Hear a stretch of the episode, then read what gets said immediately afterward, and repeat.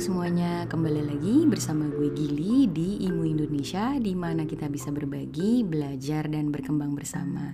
Di episode kali ini gue kedatangan tamu spesial yaitu Renardi Effendi. Beliau adalah seorang komposer atau penulis lagu. Di sini beliau membagikan cerita dan pengalamannya sebagai seorang penulis lagu yang terkadang bisa menghadapi writer's block. Nah, tapi semua itu bisa diakali. Buat teman-teman yang ingin tahu, yuk kita langsung aja. 3, 2, 1 Eh, Renardi Effendi. Apa kabar, Pak? Baik, baik-baik Gili. Lama sekali nggak ketemu. Iya nih. Pak, congrats ya buat cover Disney-nya yang baru rilis nih. Oh iya, thank you. thank Mantap you, thank banget you. nih. Nih, boleh kenalin diri sedikit Pak buat teman-teman IMU Pak. Oke, halo semuanya. Uh, nama gue Renardi Effendi. Uh, tentu kalau diundang Ibu Gili di sini pasti profesinya uh, nggak jauh-jauh dari musisi. Jadi I'm a full timer musician. Benar-benar apa 100% hidupnya di dunia musik, kerja di musik. Uh, sebagai apa? Uh, sebagai yang pertama itu sebagai arranger paling sering. Jadi arranger dalam hal nulis partitur, dalam hal juga uh, bikin produksi musik gitu ya. Jadi uh, bikin musik-musik pengiring untuk berbagai macam kebutuhan. Jadi itu yang paling paling utama di situ. Di samping juga ngajar, tapi memang spesifikasinya juga agak, agak unik nih Bu Gili. Jadi uh, spesifikasinya ngajarnya lebih ke komposisi, teori, nice. sama orkestrasi gitu. Ini gitu teman-teman ya, uh, teman-teman di sini ya, mesti tak kasih tahu Bapak Ardi itu udah kayak apa ya Mozart versi modern. Enggak. Aduh, okay. soalnya luar biasa sekali orang ini. Pak, nanya, lu sejak kapan sih udah mulai belajar musik gitu?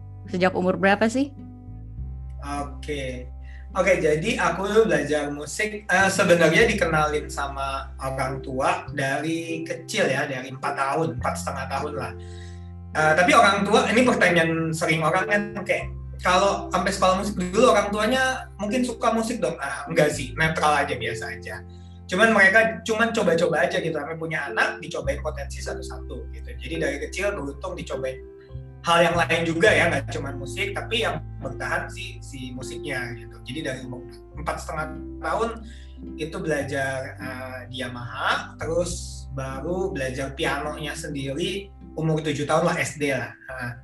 Nah, kalau mungkin nanya di umur 4 tahun tuh belajar apa? Nah, itu kita uh, belajar musik jadi ya, jadi bukan instrumen gitu. Ketika pertama kali kenalan sama dunia musik itu uh, umur 4 tahun nggak diajarin duduk depan piano gitu kak, oh, nggak nggak diajarin untuk pencet ini do, ini re gitu. Cuman masih kecil cuman nyanyi-nyanyi aja, disetelin lagu, seneng nyanyi, nari, belajar kenalan ketukan dengan cara yang sangat friendly buat anak-anak gitu sih. Jadi itu lah musicianship ya. Musicianship buat anak-anak ya. Betul, betul. Nice, nice. Dan itu Dari empat setengah tahun penting ternyata. iya. Oh. Iya. Dan itu jadi bekal yang sangat penting ke depannya ternyata hal-hal sepele itu yang mungkin orang nyanyi tepuk tangan gitu ternyata itu it's very very important later on gitu Pasti, pasti. Gitu wow. Hmm. Tapi memang lu tuh dari kecil dari empat setengah tahun udah nunjukin apa ini? Gue mesti bilang apa nih? Bakat yang terpendam. Bakat gitu ya. Sampai uh, enggak juga sih. Studi.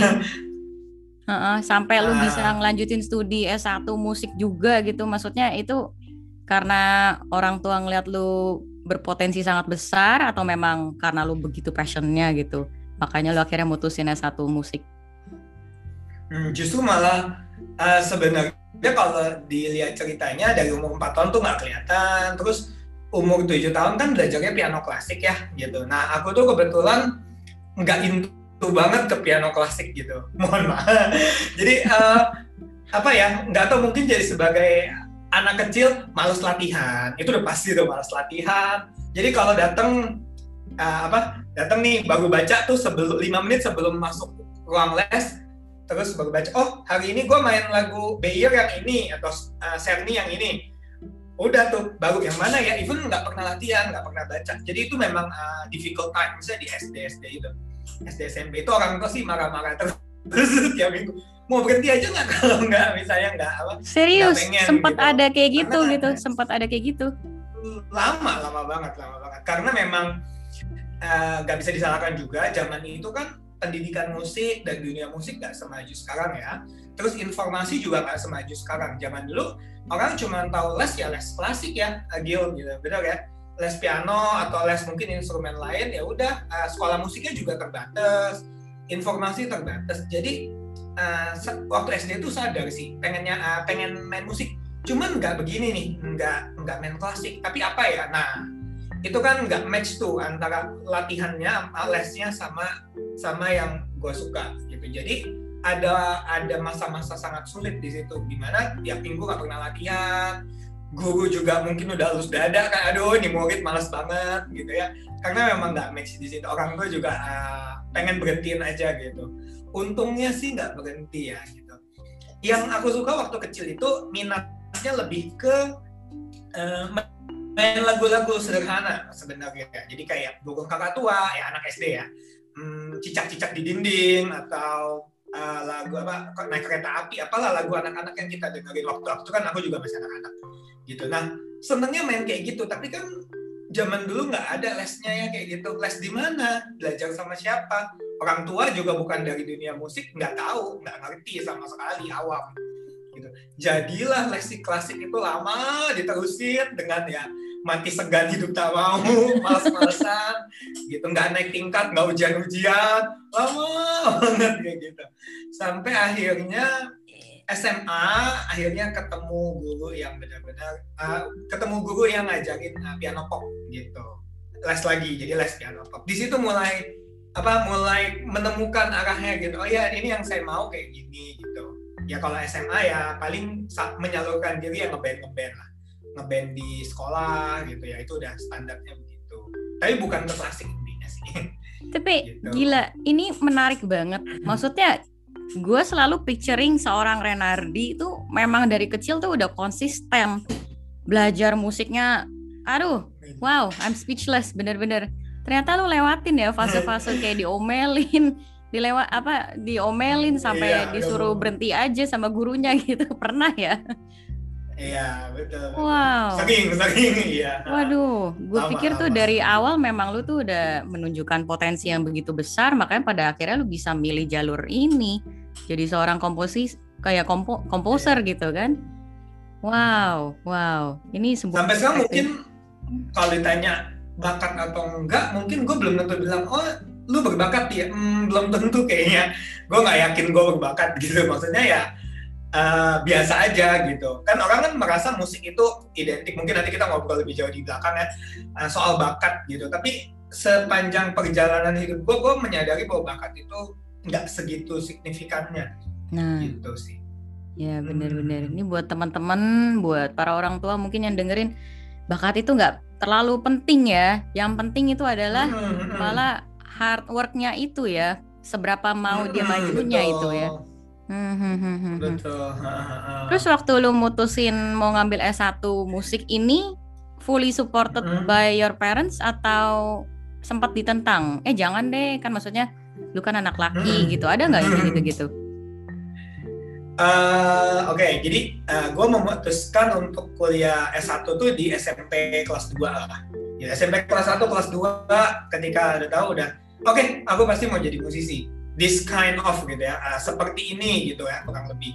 Uh, udah punya gambaran maunya musisi kan luas ya mau kayak kayak apa gitu.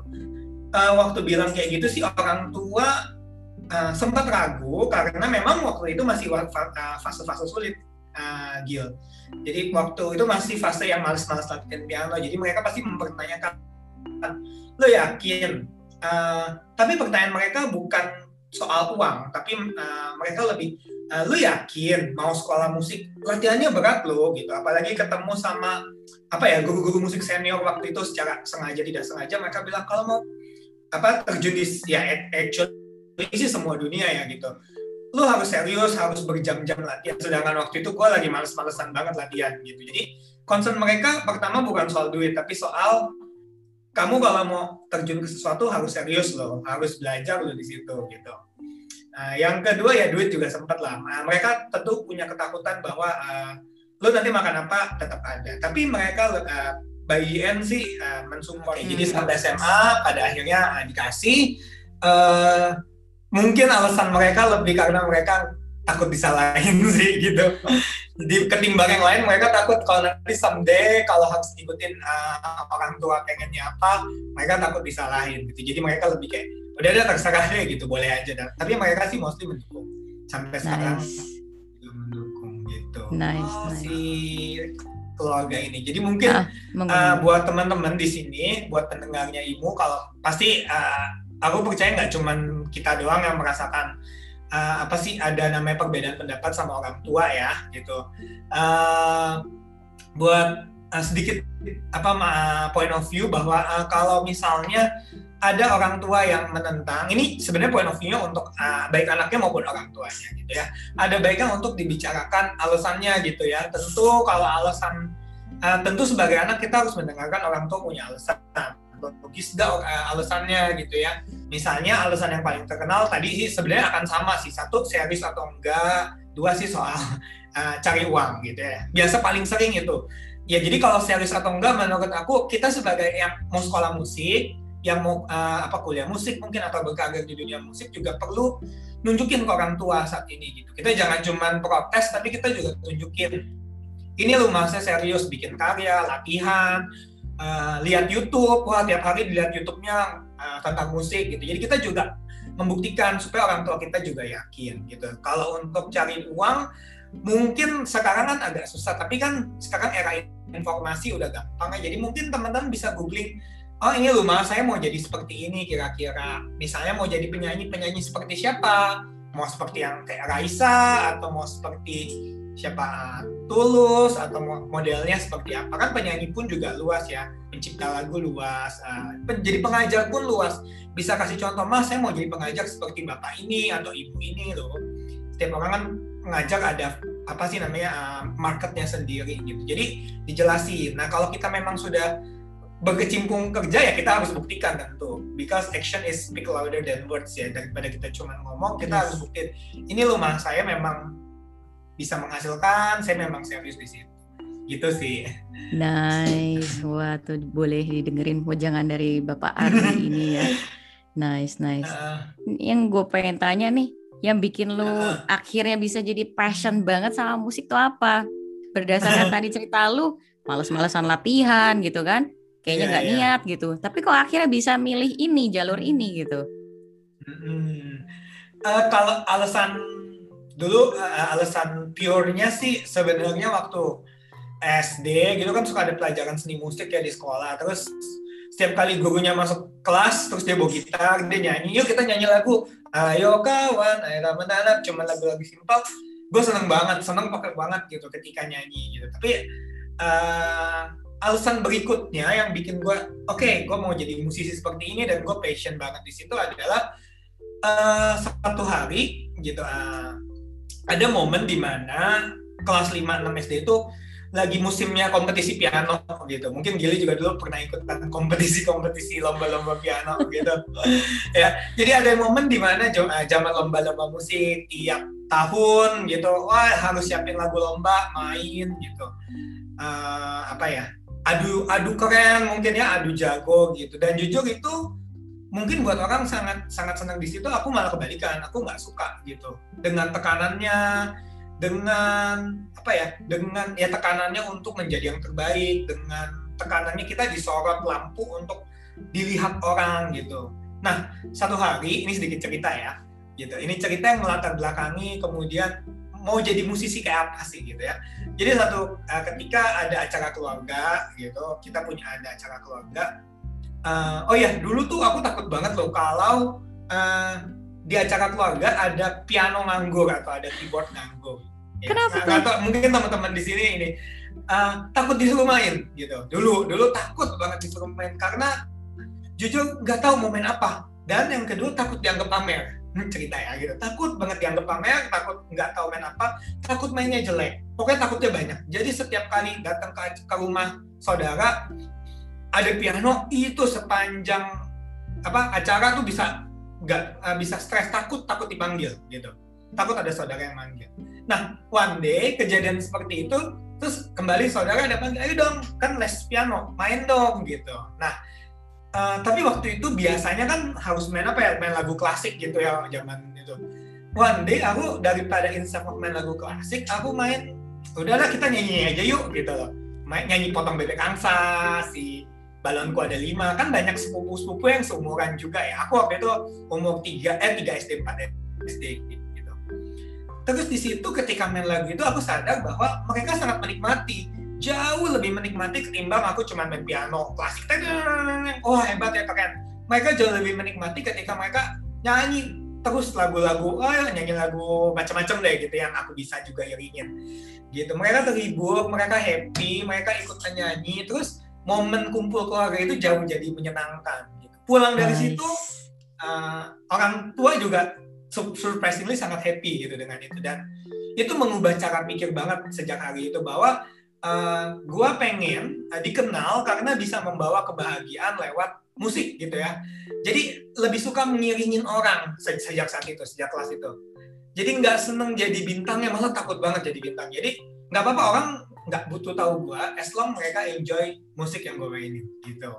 Jadi itu al alasannya kenapa suka musik karena menurut gue musik itu menjadi salah satu media gue buat menyenangkan orang. Atau ya membawa kebahagiaan, menghibur ya any kind of gitu sih. Nice wow. Terus ada orang tentu tertentukah nggak yang menginspirasi lu untuk mengambil jalur komposisi ini menjadi seorang komposer gitu? Hmm, oke. okay. Uh, Oke okay, ada sih ada ada dua ya jadi satu dari internasional satu dari Indonesia ya nah, yang pertama uh, kalau internasional tuh ada produser musik namanya David Foster Nice. Pasti kalau teman-teman yang ini musik pasti tahu ya David Foster gitu ya. Uh, dia adalah orang di balik layar. Jadi uh, kenapa gue mengidolakan dia banget? Karena dia punya uh, pola pikir ya, sama pola pikir yang seperti tadi aku cerita bahwa dia bisa membuat orang lain sukses terkenal. Ya, we can name like Celine Dion, Bocelli, Andre Bocelli, Whitney Houston, Michael Bublé, Josh Groban, you name it gitu dan mereka itu dibuatkan lagu atau diproduseri oleh si David Foster. Jujur aku nggak tahu David Foster sampai mungkin udah SMP, SMA, SMA baru tahu. Oh ini man behind the back gitu ya. Tapi kan Michael Bublé or Just Groban dengan You Raise Me Up ya pada waktu itu udah terkenal banget gitu. Nah, jadi itu salah satu alasan. Oh, aku mau jadi di balik orang-orang yang sukses gitu. Nice. Yang kedua dari dia adalah David Foster punya idealisme ya musik dia sendiri yang sedemikian bagus sampai bisa menyetir pasar mengikuti idealisme dia gitu. Dia bisa menyetir 90-an itu eranya David Foster, lagu-lagu pop-popnya David Foster dengan harmoni yang padat, dengan suara synthesizer-nya ada yang khas gitu. Itu jadi jadi jadi apa sih namanya? Jadi idola sih memang sampai sekarang. Benar-benar inspirasi.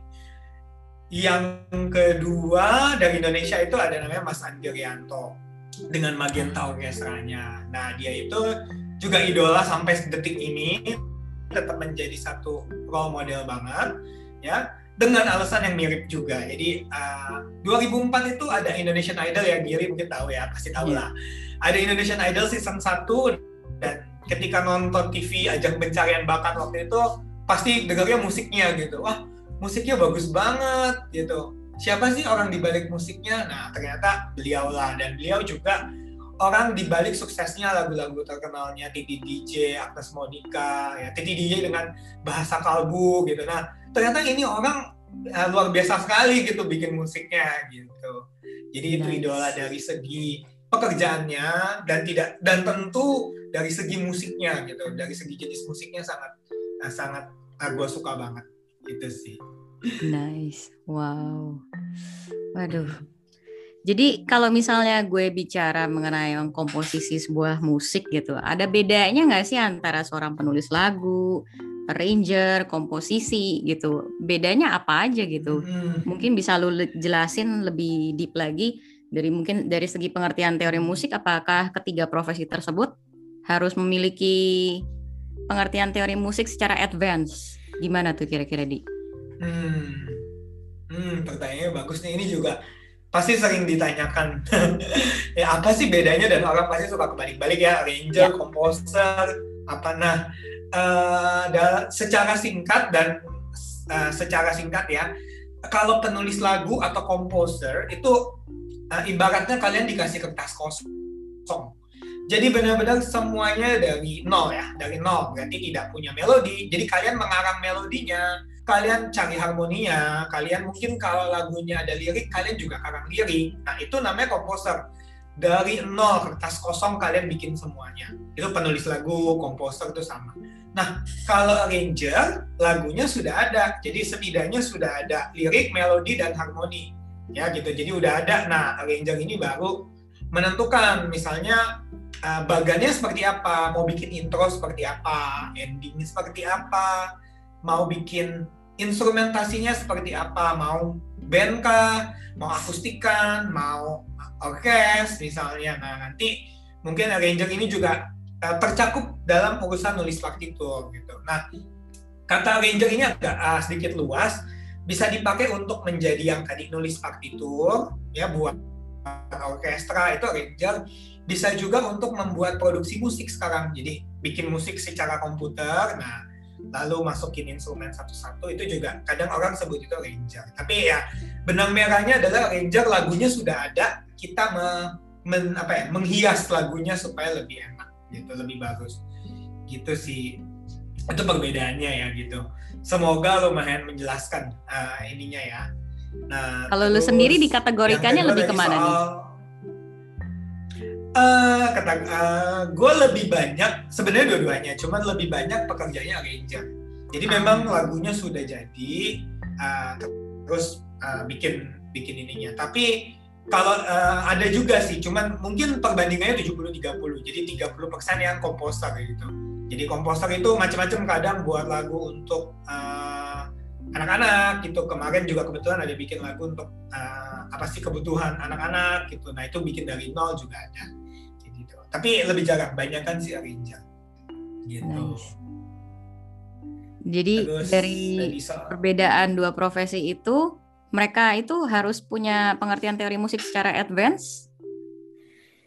Nah, Nah, ini pertanyaannya juga bagus nih soal teori. Uh, apa ya? Jawab dulu ya. Dijawab dulu baru dijelasin ya. Uh, kalau boleh dijawab singkat, I will say a beginner to intermediate. Jadi teori yang beginner, mula-mula sampai tengah-tengah itu uh, minimal gitu ya. Kalau mau jadi komposer atau arranger. Sampai intermediate deh. Di kenapa nggak bilang sampai advance gitu? Karena uh, jujur aku suka ketik-ketik apa sih di Instagram Instastory cerita-cerita soal musik teori. Uh, banyak orang yang apa merasa wah musik teori itu susah berat gitu ya Uh, jadi mungkin di sini bersama Gili uh, aku mau sharing dan semoga memberikan point of view tentang pentingnya teori gitu ya.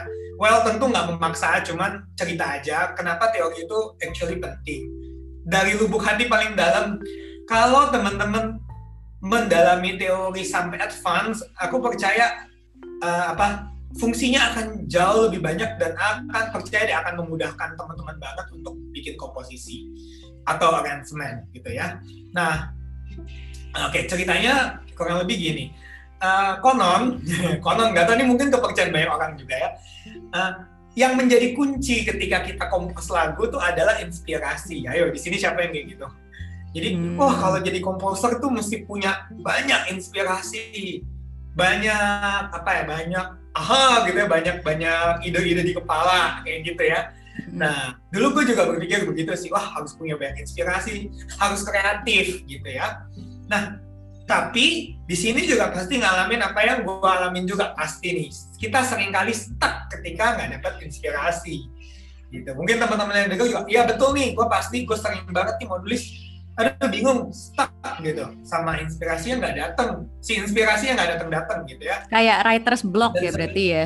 Iya, writer's block, betul. Nah, waktu kuliah juga tuh sering banget tuh, nggak kumpul tugas karena alasan nggak punya inspirasi gitu. Nah, terus kan kita nggak boleh nyerah sama keadaan dong ya. Ini kan writer's block ini sebuah masalah ya. Nah kita harus uh, solving the problem gitu ya. Kita harus pikirin gimana supaya kita bisa meminimalisir uh, writer's block ini. Nah ternyata turns out bahwa uh, inspirasi itu terkait banget sama knowledge ya pengetahuan dan referensi ya. Tapi aku bahas referensi mungkin nanti. Aku titik beratin ke knowledge dulu. Jadi knowledge itu ternyata uh, penting banget untuk me, apa namanya menstimulasi inspirasi kita gitu. Nah, knowledge ini kan pengetahuan. Pengetahuan ini salah satunya atau garis besarnya tentu datang dari teori dan analisa dan baca dan macam-macam ya gitu. Artinya semakin kita banyak mempelajari karya-karya orang, semakin banyak kita membelah, membreakdown, menganalisa dan uh, menemukan jurus andalan komposer lain gitu. Kita belajar, oh si Taylor Swift bikin lagu kayak gini nih. Kenapa ya dia enak? Oh karena dia pilih melodi kayak gini. Semakin kita breakdown detail-detailnya dengan pengetahuan kita, dengan teori kita, maka kita juga nanti bisa mengambil cara tersebut, mengambil uh, cara dia pakai ide tersebut pun uh, dengan cara kita sendiri gitu. Jadi kita kumpulin breakdownnya gitu. Uh, gue punya buku saat ini di di office gue satu buku masih tulis tangan karena udah lama banget sampai sekarang masih tulis tangan a binder gitu jadi di buku itu isinya tentang jurus-jurus ini jadi memang jurus-jurus iya dikumpulin di di apa sih namanya di di compile ya di compile berdasarkan mood jadi mood seperti apa misalnya contoh moodnya sedih gitu mood sedih itu kalau basic kan tangga nada minor gitu tulis aja minor tapi kan the truth is banyak banget caranya. Harus pakai instrumen apa, uh, tempo berapa, gitu dah. Itu diteliti dari banyak lagu-lagu sedih yang lain. Jadi analisa lagu sedihnya orang gitu. Ini kenapa dia bisa sedih ya? Oh dia ngambil ini, oh dia ngambil ini. Nah itu ditulis secara apa ya? Secara fakta ya, bukan dengan perasaan. Dia pakai scale apa? Dia pilih nada apa? Pergerakan harmoninya apa? Ditulis. Itu sedih. Nanti kalau senang yang ringan, senang yang euforia, Perancis gitu. Kadang gue pengen musik gue rasa-rasa Perancis kayak di Paris. Nah, itu ditulis gitu. Cari musik yang seperti Perancis itu Debussy, Ravel, dianalisa gitu. Oh, Debussy pakai major 9 atau dominan ini. Ravel pakai scale ini. Nah, itu ditulis semua dengan contoh-contohnya. Supaya someday kalau gue dapet kebutuhan itu harus bikin nih seperti ini.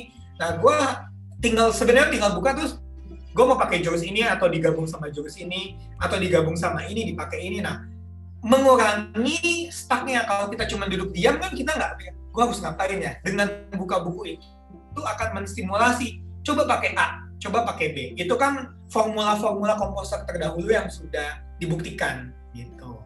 So balik lagi tadi uh, knowledge atau teori itu bakal very helpful. Dan uh, uh, percayalah teori itu tidak sesusah yang kalian pikirkan gitu.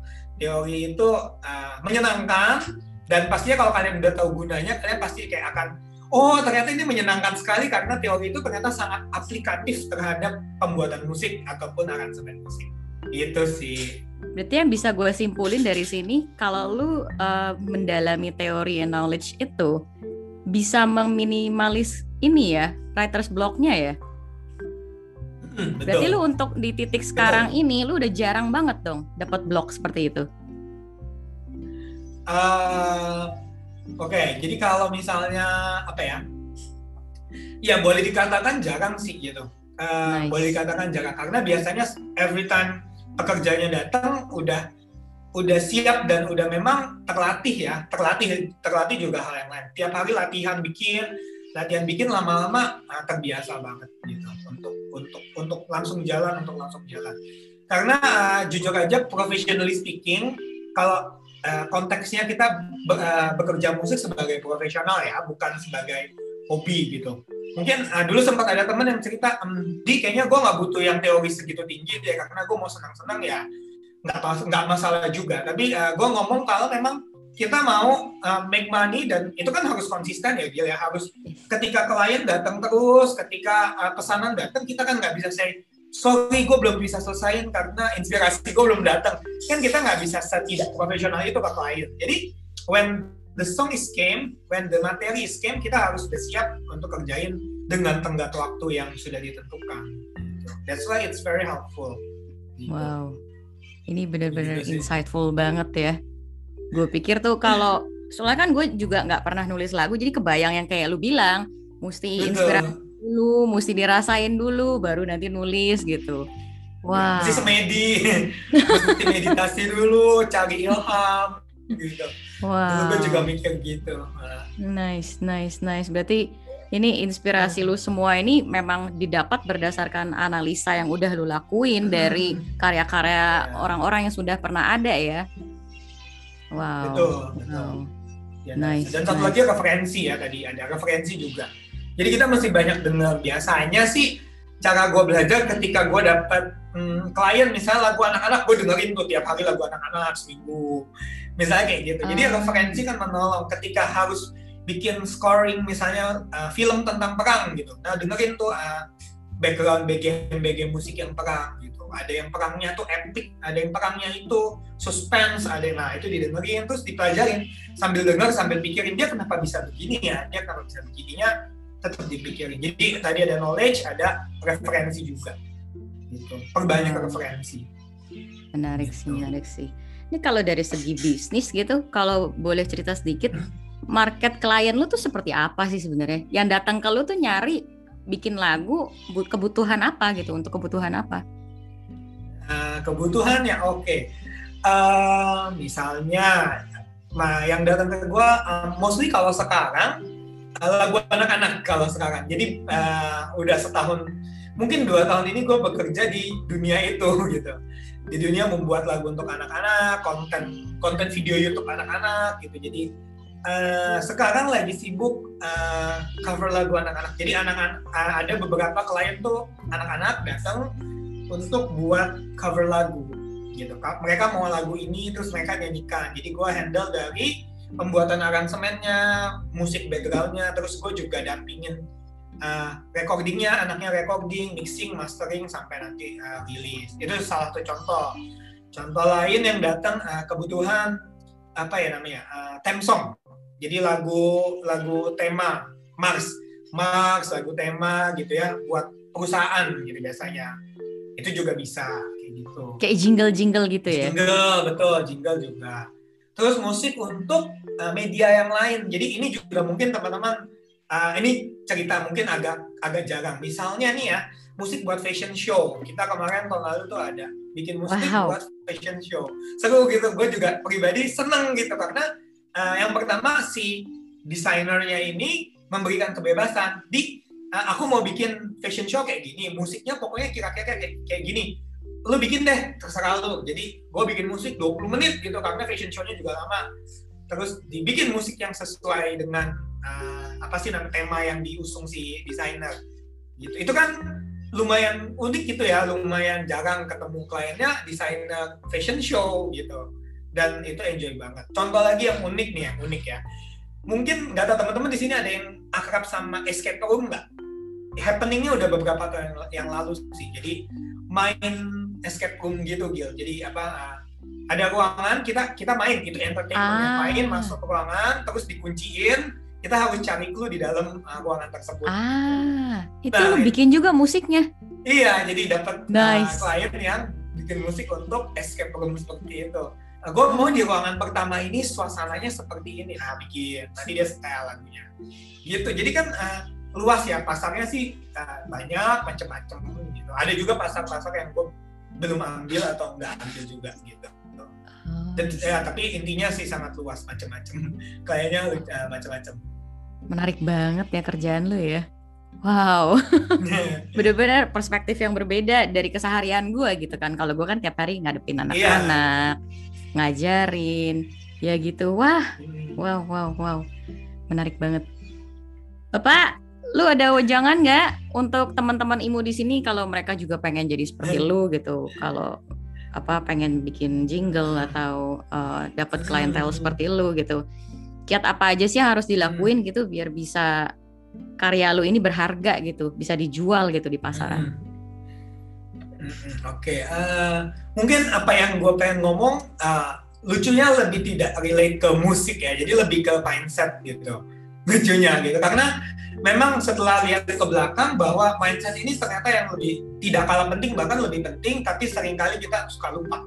Gitu. Kita fokusnya sama how to make my music good itu sih nggak salah itu juga penting. Tapi ada yang tidak kalah penting gitu. Uh, yang pertama kalau gua boleh ngomong uh, yang penting adalah proaktif. Ini ini salah satu yang kalau gue boleh say something ke uh, teman-teman yang mungkin lagi menapaki karir atau in their 20s Uh, yang pertama menjadi proaktif. Proaktif itu artinya uh, segala sesuatu ada di tangan kita, teman-teman. Jadi kita harus fokus untuk melakukan apa yang bisa kita lakukan ketimbang protes akan hal eksternal yang di luar terjadi gitu. Karena sering banget ketemu orang yang bilang, aduh nih gue nggak bisa karena gue nggak bakat, aduh gue tidak didukung orang tua atau gue gak punya uang atau gue atau gue atau gue ada banyak alasan. Komplain nah, aja ya. uh, uh, gue percaya betul gue percaya itu sih nggak salah memang betul ada banyak masalah. Tapi uh, yang mau gue ngomong adalah kita harus lebih fokus pada apa yang bisa kita lakukan. Kita harus jadi problem solver terhadap hidup kita. Aduh di gue susah konsentrasi contoh. Gue susah nih memulai konsep. Nah kita harus analisa. Jam terbaik kita tuh pagi siang sore malam dini hari. Nah, kalau udah ketemu ya berarti belajar kita atau kerja kita selalu di jam itu. Jam itu jangan dipakai buat main sosial media misalnya. Jadi tapi intinya solving the problem. Ya kalian harus biasa ketika dapat masalah jangan protes tapi pikir gimana supaya melewati masalah tersebut. Karena kalau udah lewatin ya uh, kita naik level gitu ya. Itu pertama. Yang kedua konsistensi is everything karena kalau orang bicara hard work, yes, hard work penting. Uh, yang lain penting, tapi yang paling susah buat saya pribadi pun yang paling susah adalah konsisten. Ya, konsisten artinya tiap hari on the daily basis kita bisa terus-terusan melakukan itu. Kalau teman-teman tuh atlet sepak bola, ya tiap hari di lapangan bola latihan, nggak ada bolong, nggak ada excuse gitu, nggak ada hari ini sakit, besok lupa, besok kesiangan bangun. Nah itu yang mesti ditanemin konsistensi. Jadi kalau mau jadi komposer ya tiap hari bikin karya. Ada tidak ada kerjaan analisa bikin karya coba-coba eksperimen baca buku itu harus tiap hari dilakukan. Harus segitunya gitu konsistennya. Dan yang ketiga uh, never ending learning. Uh, enggak, jangan pernah berhenti belajar karena uh, kita harus selalu cari referensi ngobrol sama orang yang mungkin kita look up to. Ya jangan hanya membatasi diri dengan uh, belajar di apa ya di scoop yang kita suka aja gitu. Kadang ini ini sering nih. Di gue suka komposisi tapi gue nggak suka baca not gitu. Sering nih bisa nggak gue belajar komposisi tapi gue nggak bisa baca not? Gue percaya mungkin banyak dari kita nggak suka baca not tapi someday itu pil yang mungkin kurang enak tapi kita harus makan supaya kita bisa sukses uh, jadi komposer. Misalnya gitu. Jadi uh, kadang kita terlalu enggan untuk menelan pil itu. Nah teman-teman harus sadar bahwa ketika kita menemukan passion kita, apa pun itu, nggak serta merta semuanya jadi gampang. Bahwa untuk mencapai yang kita impikan, di tengahnya pasti banyak pil-pil yang nggak enak, pil yang mungkin pahit. Ya udah makan gitu, jadi orang yang makan, telan aja gitu ya. Jangan batasin dengan hanya belajar di scope itu tadi aku bilang ya. Jadi kalau misalnya konteksnya ngomongin komposisi nih Gil ya. Jadi jangan cuma fokus untuk how to make the music good, oke itu pasti, tapi di luar itu kita juga mungkin harus belajar gimana menjual karya kita. Itu kan juga PR yang kita jangan pelajari. Gimana mendaftarkan karya kita sebagai hak, uh, karya intelektual. Jadi uh, kita mendaftarkan ke Haki gimana? Gimana belajar membranding diri kita? Gimana kita membuat orang berpikir setiap kali tahu komposer, cari orang bikin lagu, dia akan lari ke Ardi. Nah itu gimana membranding diri kita? Kita kan harus belajar ya, nggak bisa berserah pada keadaan ya. Mungkin belajar juga mengerti bisa mixing mastering itu kan nggak lepas dari dunia komposer. Ya mungkin nggak ahli di, aduh susah nih, tapi kan setidaknya kalian mengerti. Gua waktu belum ngerti mixing mastering, sering banget ditipu sama teman-teman yang mixing mastering gitu. Mereka mungkin kerjanya oh. berantakan atau asal-asalan. Okay. Iya, tapi setelah ngerti, minimal bisa bisa berdiskusi oh ini bisa diginiin kok coba ini diginiin gitu. Walaupun gue tidak melakukannya secara detail tapi kan ngerti gitu kita nggak dibodoh-bodohin lah gitu. Ya percayalah itu akan membawa perspektif kalian lebih luas dan juga musik kalian bisa dibawa ke arah yang lebih luas gitu. Jadi jangan cuma batasin pokoknya gue mau urusan gue nggak mau tahu yang lain nah itu jangan kayak gitu. Kita harus belajar terus gitu even gue sekarang iseng belajar desain desain kan Nice. gampang sekarang pakai Canva ada ada kalanya juga belajar desain pakai Canva gitu walaupun itu sebenarnya nggak relate banget sama Hmm. pekerjaan gue gitu Ini yang menarik Gitu. soalnya lu bilang tadi mixing and mastering. Kalau nggak salah kan Hmm. memang lu ngambilnya komposisi kan pas lagi kuliah kan. Berarti Hmm. setelah kuliah selesai itu lu ada ngambil ngambil studi extension buat di bidang mixing dan mastering? Sempat ya? Eh, hmm, bukan di mixing mastering sih, di lebih di music production. Ah. Jadi gimana caranya bikin musik itu sempat enam bulan. Cuman di dalam situ ada beberapa course yang eh, ngajarin mixing mastering sedikit gitu. Setidaknya tahu oh mixing tuh ngapain, mastering tuh ngapain, dan gimana kita sebagai komposer bisa deliver materi kita ke mixing engineer dengan baik. Kan lu nggak lucu kalau ditanya, di tolong kirim sample rate-nya 441 sama beat rate-nya 24. Hah, gimana gimana itu apa? Nah, kan nggak lucu kalau kita nggak ngerti. Jadi setidaknya tahu. Bisa tanya ke mixingnya, mau beat depth 24 atau 48. Lu pakai 441 atau 48. Kan ngerti apa itu beat depth, apa itu sample rate, setidaknya ngerti lah. Terus eh, belajarnya sih lebih informal ya, lebih kalau ada Ah. apa ada kesempatan project uh, datengin mixingnya ngobrol. Kalau lagi project rekaman ngobrol sama mixing engineer bicara ini apa sih? Ini kok bisa gini? Itu mi kok taruh gitu ngobrol aja ditanyain gitu. Ini apa sih? Itu apa sih? Cerewet gitu. Lama-lama kan dapat dari berjam-jam pengalaman eh, recording itu dapat view-nya gitu. Oh ini gini. Oh itu Nice, gitu. nice, never ending learning ya, bener-bener ya. Hmm, betul Wow, betul. Wow. Di, ini kita udah Hmm. nyampe di penghujung Hmm. acara. Pertanyaan Hmm. terakhir gue buat lu, apa nih impian lu ke depannya sebagai Ah. seorang komposer nih? impian sebagai komposer. Eh, kalau yang agak spesifik, impian gue masih working at Disney. spesifik ya. Wow. Mimpinya bekerja di Disney gitu. Orang mungkin bisa bilang, ah itu susah, mustahil. Ya nggak apa-apa, namanya mimpi ya. Gitu. Karena memang suka banget sama musik-musiknya Disney. Nah, tapi kalau Wow. impian yang lebih, lebih, lebih apa sih namanya? Ya, on the on the other side, sebenarnya impian gue adalah be a man behind a, a many success person. Jadi gue pengen menjadi orang yang mendukung dan ya balik lagi tadi yang di awal gue cerita ya mendukung kesukses, kesuksesan banyak temen gue dalam konteks ini berarti gue membuatkan mereka musik yang baik mendukung mereka dalam bentuk musik gue yang oke gitu ya memproduseri mereka supaya uh, teman-teman gue ini uh, bisa berkarya sebagai penyanyi sebagai instrumentalis sebagai grup sebagai orkestra sebagai apa pun itu dengan baik gitu. Jadi gue pengen part of their success gitu ya. You may not know me but you know my music gitu ya. Lu nggak nggak apa-apa nggak kenal gue penting lu tahu musik gue gitu. Nice. itu sih Wow. kalau mimpinya sih uh, Ini David Fosternya Indonesia, pemirsa calon. amin amin amin, Nice. amin. Oke, di nih kalau teman-teman Imu nanya nih, Gil, apa eh, mau dong consult sama Ardi nih? Mungkin mau bikin jingle Iya. sama lu atau minta di arrange lagu sama lu atau hanya sekedar Hmm. konsultasi sama lu, bisa hubungin lu di mana nih? Kalau Instagram boleh DM pribadi gue di Instagram. Instagram Instagram gue nggak gue lock kok. Jadi feel free to DM Boleh di disebutin? Effendi Oke. Renardi Effendi ya. Oke. nanti Hmm. bisa balik ketuk. Kalau misalnya urusan untuk buat jingle atau sebagainya boleh di stairway underscore music. Stairway anak tangga underscore music. Jadi itu memang apa ya eh, tempat buat yang urusan production gitu ya. Jadi kalau di boleh tanya-tanya di situ nanti gua dan tim akan pasti dengan senang hati jawab tapi kalau untuk urusan ngobrol aja boleh di Renardi Effendi sih gitu Nice. I will happy very happy to talk to you Wow. every one of you gitu Nice, nice, nice.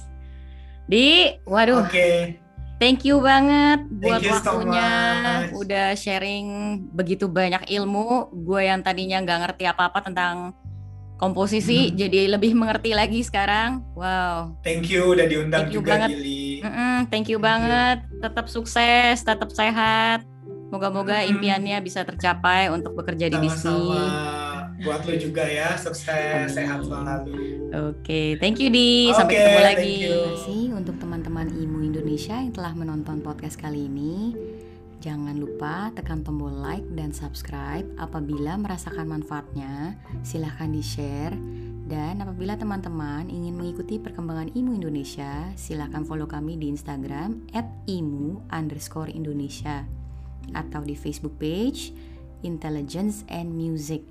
Sampai jumpa kembali di episode berikutnya.